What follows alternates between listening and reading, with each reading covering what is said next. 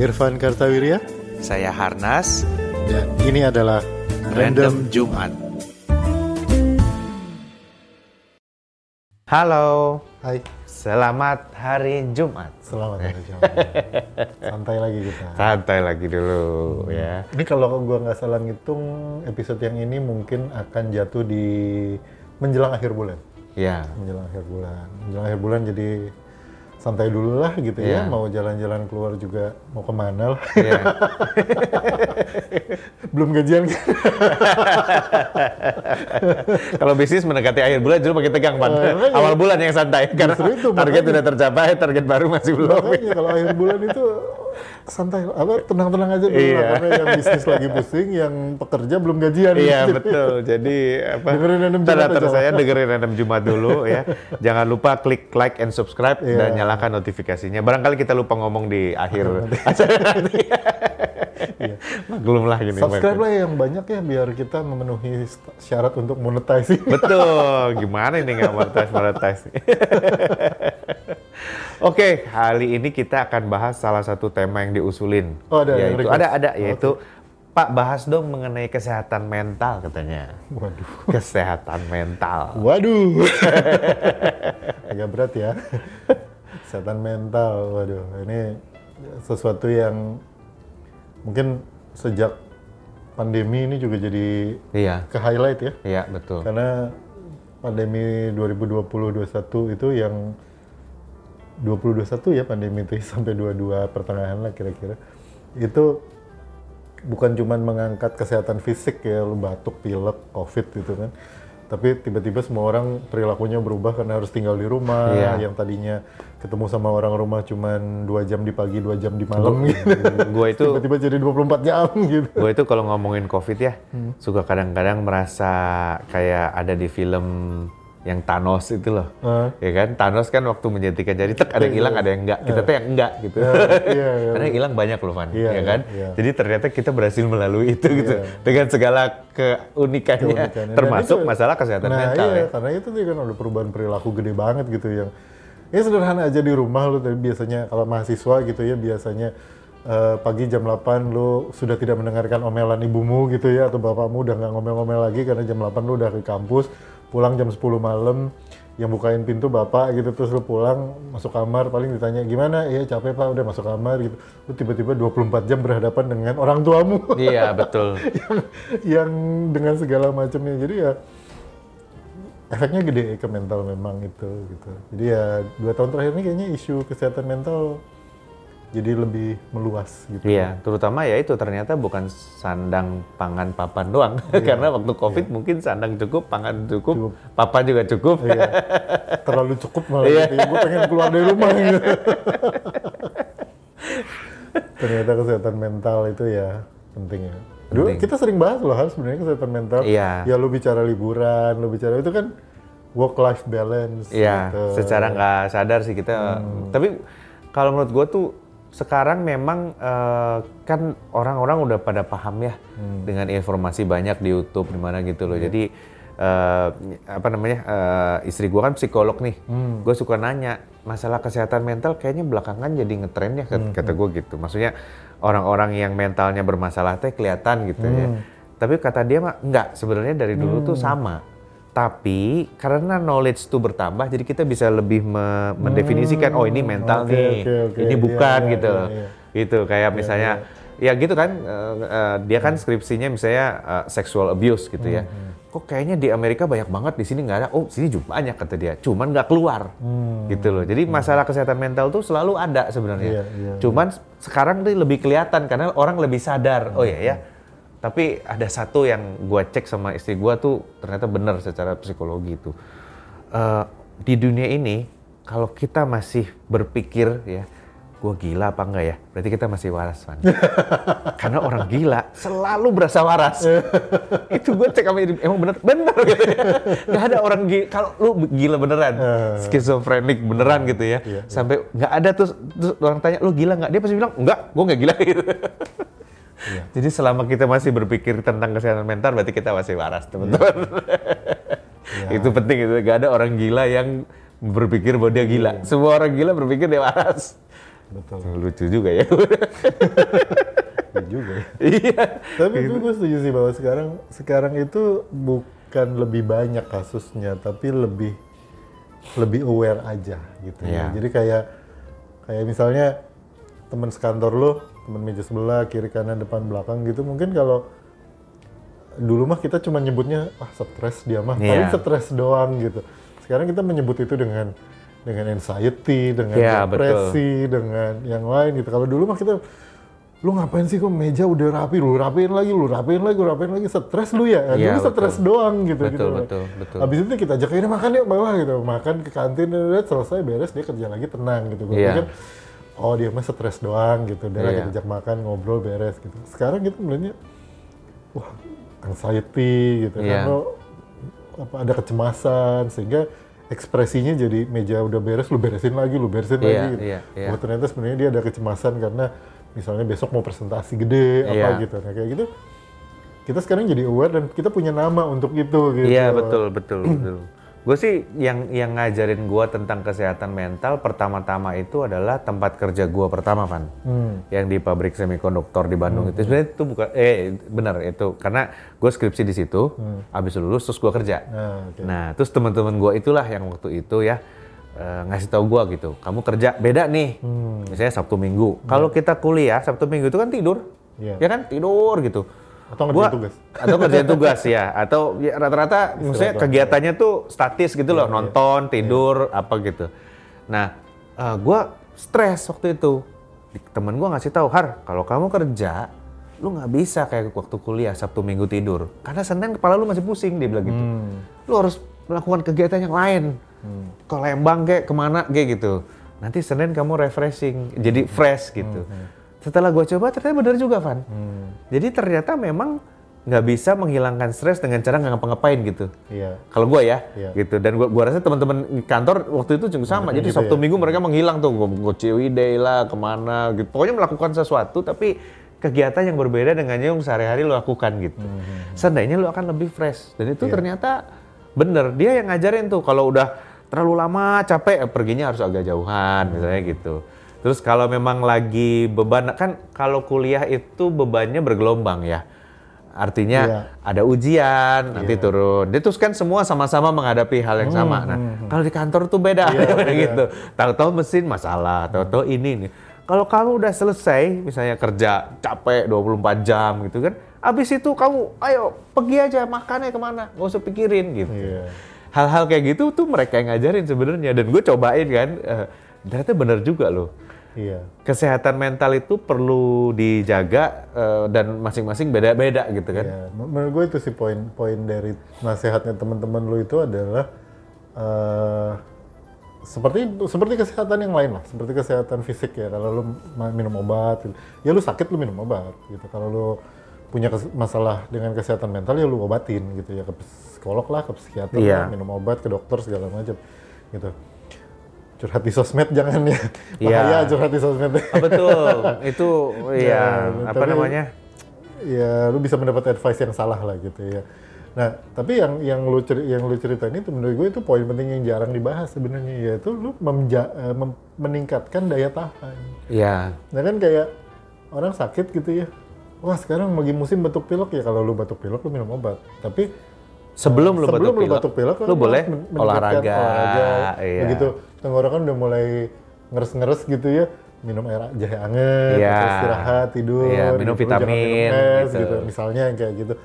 Nah itu menurut gue itu satu poin yang rada jarang gitu di- Iya. di- dibahas. Gimana lu punya eh, upaya untuk meningkatkan ketahanan mental lu gitu. Jadi lu Betul. lu nggak nggak apa mengurangi resiko lu terkena masalah kesehatan mental. Dengan lu meningkatkan misalnya kalau menurut gua ini, ini sangat mungkin salah ya misalnya eh yang advice yang suka kita bilang itu kalau lu eh, ngomong lu mesti lebih sensitif. Tapi kalau lu dengerin lu mesti lebih woles gitu lebih Iya. slow gitu kan. Ya kayak gitu kan kondisi kekuatan mental lu jadi lebih lebih baik menurut Iya, gua lu nggak gampang tersinggung lu nggak gampang stres segala macam Iya, sebenarnya memang gini. eh, tadi eh, kesehatan mental itu butuh society ya, butuh orang lain, iya.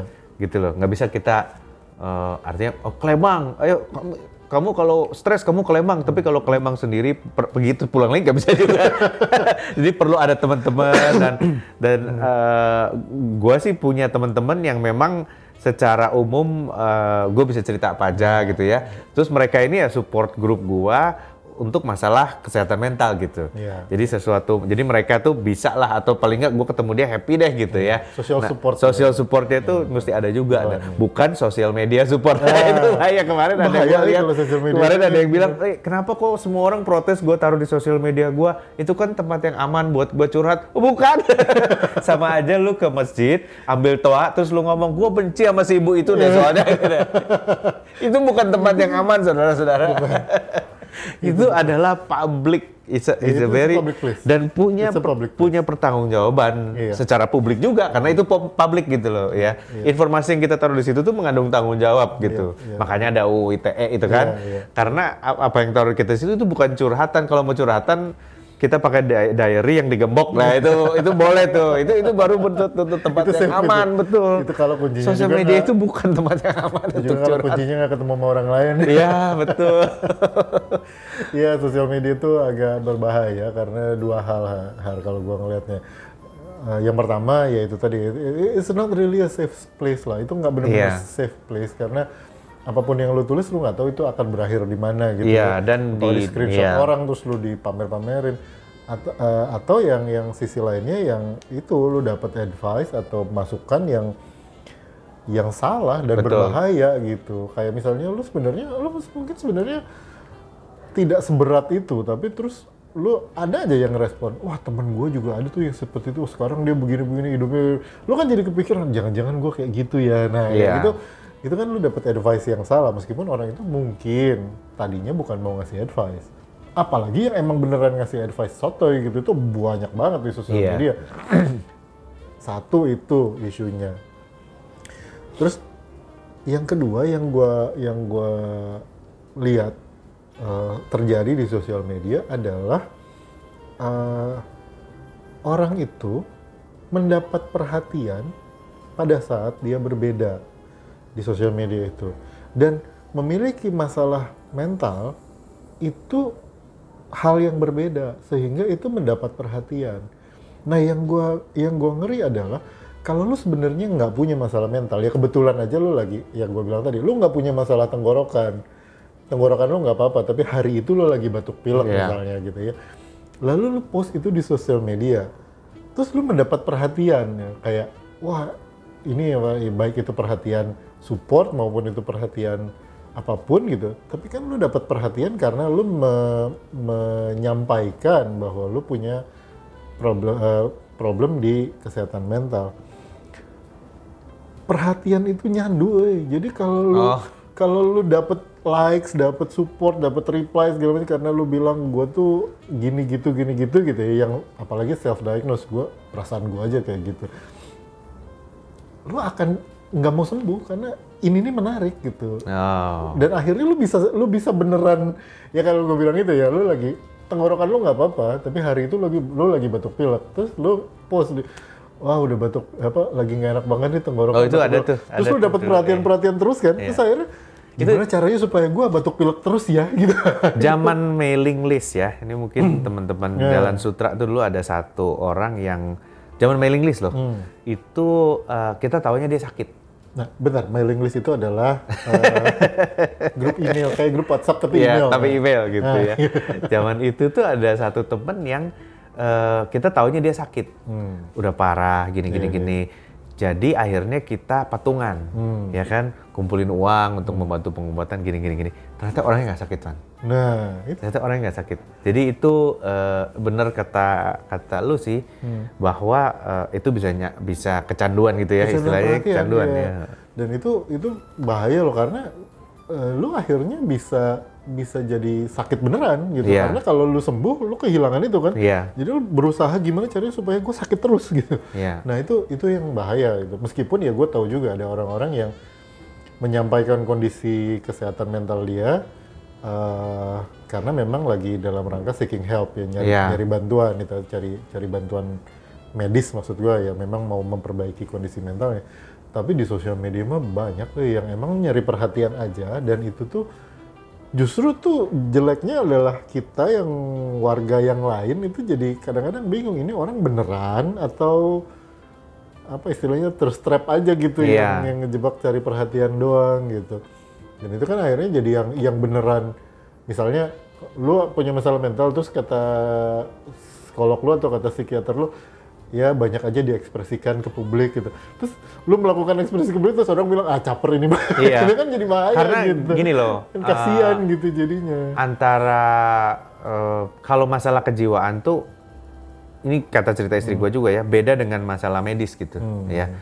Ada yang ada yang eh, mungkin istilahnya ada yang sakit ada yang gini me- apa analoginya adalah lu kalau badan lu enak ada dua kemungkinan pertama lu kena virus atau kena bakteri jadi bakteri mesti dimatiin dulu baru lu sembuh itu namanya lu sakit Iya. gitu atau yang kedua, mungkin kondisi badan lu lagi jelek aja. Lu cuma butuh istirahat gitu. Nah, kalau kejiwaan yang nomor dua ini banyak. hmm Jadi batas antara sakit dan tidak tuh cukup tegas, iya Bang. iya Gitu. Yang kurang, oh lu sakit jiwa lu. Yang yang benar-benar sakit jiwa itu tegas batasnya. Iya. Sebagian besar adalah yang sebenarnya yang i- kondisi ini loh. Lu nggak sakit sebenarnya, Hmm. tapi kondisi lu nggak bagus gitu.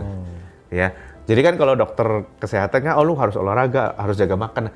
Secara mental juga ada gitu. Iya, iya. Oh lu harus begini, harus begini gitu ya. Kalau lu ketemu psikolog, itu psikolog sama psik- psikiater bedanya apa? Kalau psikiater bisa ngasih obat. Iya. Karena dia Gampangnya menangani gitu yang ya karena dia dokter Iya, dia dokter dia menangani yang sakit gitu. Iya, iya. Kalau psikolog itu bawahnya Hmm. gitu. Dan ada terapi-terapi yang contohnya terapi apa eh, hipnotis gitu ya. Hmm. Itu eh, istri gua tuh orangnya sangat sangat pragmatis. Tapi kalau hi- hipnotis dia percaya, dia malah Hmm. eh, sering menganjurkan orang untuk hipnoterapi. Gitu. Karena kalau support tapi hipnoterapi di psikologi itu bukan yang tatap mata saya bukan yang gitu eh, beda metodenya sama. lain. metodenya agak lain Iya ya, metodenya yang lain gitu. lah. Tapi Bukan ya untuk mirip gitu itu, juga. bukan Cuman abis itu dompet lu nggak dicolong gitu aja. lu nggak disuruh tiba-tiba iya, jadi joget ada apa gitu. ada teknik-teknik kayak hipnoterapi gitu-gitu ya. Itu hasil dari science yang membantu orang me- menjaga kondisi psikologi ini loh. Hmm.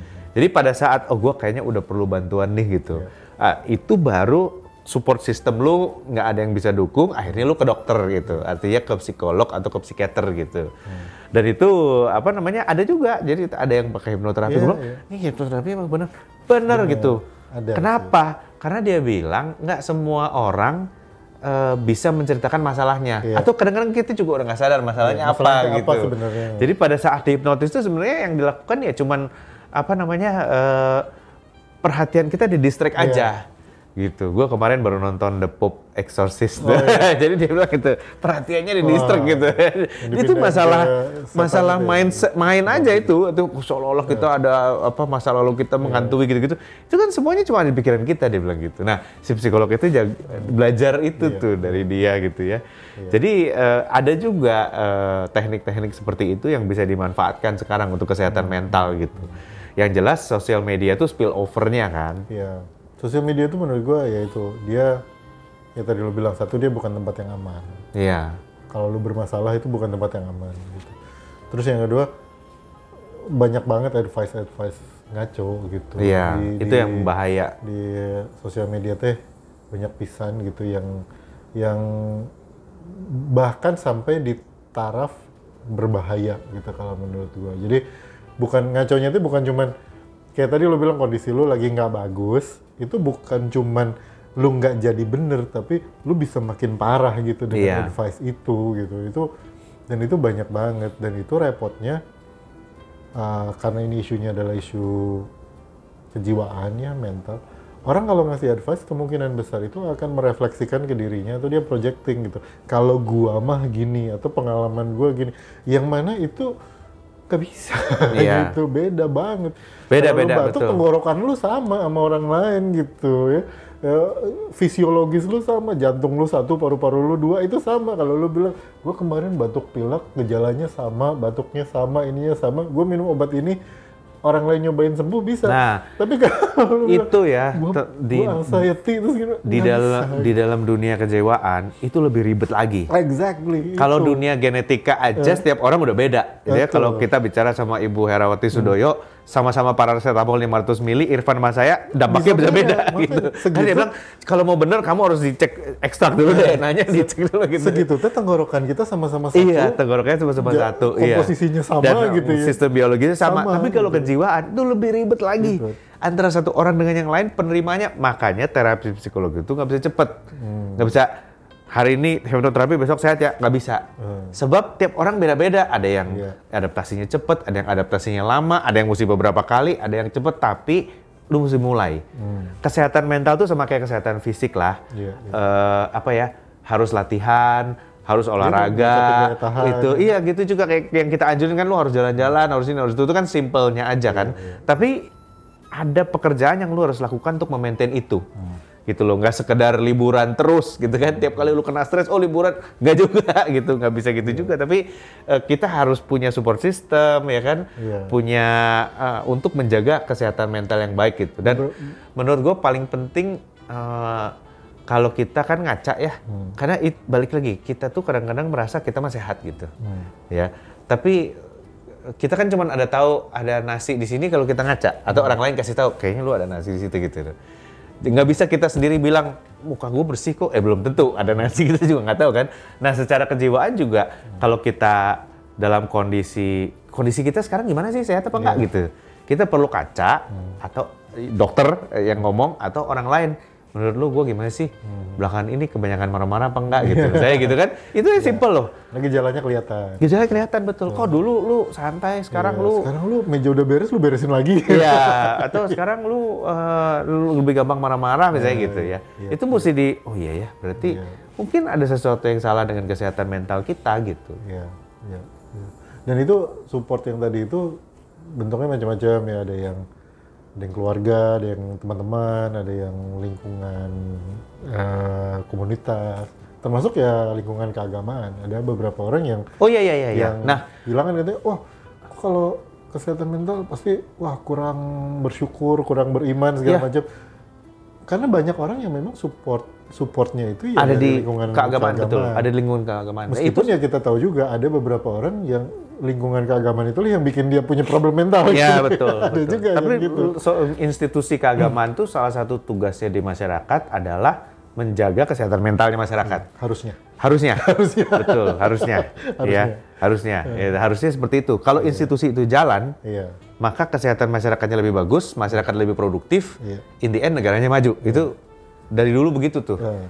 Gitu. Jadi ya Makanya, ya makanya kalau dibilang kenapa sih orang-orang tuh suka bilang gitu kalau ada yang misalnya oh gue pusing gitu ya makanya sering-sering harus sering bersyukur baik karena kalau itu berjalan dengan ideal works kesehatan mental itu salah satu cara untuk menjaga kesehatan mental lo Nah, yang gitu. namanya support tadi support system itu memang ada religious support system. Iya, system, betul. kan, gitu. Meskipun ya tadi gua bilang kondisi sekarang dengan dengan operasional institusi keagamaan yang beragam kualitasnya ini ya sering kali itu malah jadi sumbernya. Iya, jadi betul. sumber penyakit gitu, sumber penyakit mentalnya itu datang dari eh, kegiatan lo beragama gitu. Kalau kayak gitu ya mungkin bukan ganti agama ya, tapi paling nggak minimal lo ganti gurunya. Kayaknya ada yang salah sama Iya, cara betul. pengajarannya gitu. Kalau menurut gue. Tapi tujuannya mental yang sehat tuh sama dengan tujuannya badan yang sehat. Hmm. Ya. Dulu gua pernah ketemu salah satu customer gua ya, udah bos besar, tapi kalau pagi dia lari Hmm. gitu kan di hotel di mana pun juga pagi dia lari pagi. Terus gue bilang, Pak, lu suka olahraga? Enggak, gue benci olahraga. Gue lari gini supaya gue bisa makan nanti siang. Jadi nggak? Kesehatan Iya, iya, mental iya, iya, maupun fisik, Iya, iya. tujuannya supaya kita bisa menikmati hidup lebih baik gitu. Betul, loh. Gue merasa hidup gue nih asik nih. Kalau Iya. kita Senin mau, aduh berat, kayaknya gue males. Iya, Nah, itu berarti kita lagi nggak menikmati hidup tuh Hmm. gitu. Kesehatan mental membuat kita bisa menikmati hidup lebih baik Karena gitu ya. kesehatan mental itu apa penanda paling besar tadi lo bilang ya sakit nggak sakit itu salah satu indikator paling besarnya adalah gangguan. Gangguan itu artinya apakah kondisi mental lo mengganggu hidup lo. Iya, Jadi betul. lu jadi nggak bisa ngantor, lu jadi nggak bisa ngobrol sama Lu orang. jadi nggak karena bisa punya hubungan terus. baik Lu sama jadi- keluarga nah, dan itu sebagainya sebagainya. Iya. Gangguan itu yang menyebab- menyebabkan eh, menyebabkan kualitas hidup lu turun kan. Iya. Itu itu yang harus di diperbaiki itu tadi ya. Bener sih ya kalau kalau lu melakukan kegiatan-kegiatan yang me- meningkatkan daya tahan ya termasuk ya tadi itu ya. kalau lu pergi pergi gereja atau pergi pengajian gitu dan itu lu sebenarnya nggak gitu suka tapi dengan begitu lu punya ketahanan mental yang cukup Iya, iya harus lakukan. Ya, lakukan harus hal gitu lakukan, ya. harus lakukan. Ya, sehingga Iya. dengan itu lu bisa lebih santai menghadapi Iya, orang yang santai berbeda-beda, menghadapi orang yang dan- berbeda-beda, lebih santai menghadapi hidup dan intinya lebih bisa menikmati hidup sih Iya, itu aja. Tujuannya menikmati hidup ya dengan Hmm. apa pun yang ada gitu. Nah ini kalau teman-teman merasa eh, diskusinya terlalu serius, ayo dong kasih apa eh, saran-saran topik yang sendal jepit gitu, sarung tenun gajah duduk atau apa Kita gitu. sedang membahas kesehatan mental? Iya betul. on your request Yes. Jadi kalau protes Pak, kok sekarang serius? Ayo dong kasih tema yang gak serius biar kita bahas, biar biar biar juga kita juga terchallenge untuk membahas. kami juga agak tertekan membahas ini sebenarnya Sebab nggak sehat-sehat amat juga Iya, sebetulnya. kayak- kayaknya harus tanggal-tanggal segini juga lagi. Mungkin udah mau masuk Q3 ya itulah makanya gue sepedaan Iya, tiap iya, hari iya. supaya bisa makan siang. Ini saya kasih tahu aja ya teman-teman ya. Random Jumat ini, ini salah satu upaya kami berdua untuk menjaga kesehatan mental. betul, betul, betul banget, Karena betul banget. karena tiba-tiba Saya baru sadar gue kami betul. berdua ini punya jadwal untuk ngobrolin yang enggak-enggak gitu di Iya, luar kerja. ya ini salah satunya Betul, ngobrol aja gitu. Ini mah mungkin kalau versi dari kalau zaman dulu mah atau zaman pra sosial media ini tuh sebetulnya versi nenangga. Iya betul. versi baru dari nenangga. Kalau dulu Betul. kan ah, ah ke rumah si Pak Anu lah ngobrol gitu kan. Iya. Ketok itu Assalamualaikum, Assalamualaikum, itu, eh kopi ayo ah, ngobrol gitu. Iya. Nah ini, ini, ini sebenarnya cuma nggak pakai kopi aja. betul, betul. Adalah upaya kami menjaga Betul, kesehatan upaya mental. kami menjaga kesehatan mental di tengah badai sosial media seperti Iya, sekarang ini. Benar, benar, benar banget. Benar banget. Dan benar mungkin banget. kalian nonton ini juga dalam rangka upaya menjaga kesehatan dengerin dua bapak-bapak ini ngacapruk gitu ya, ngobrol ngalor ngidul gitu. Ya nggak apa-apa lah dinikmati aja silakan. Syukur kalau kami juga bisa jadi cara kalian menjaga Iya. kesehatan mental. Betul, betul, betul. Terima kasih udah dengerin Random Jumat. Iya. Saya Harnas. Saya Irfan Teoria, kita ketemu di random Jumat berikutnya. Bye. Bye. Jaga terus kesehatan mental. Ah, sip.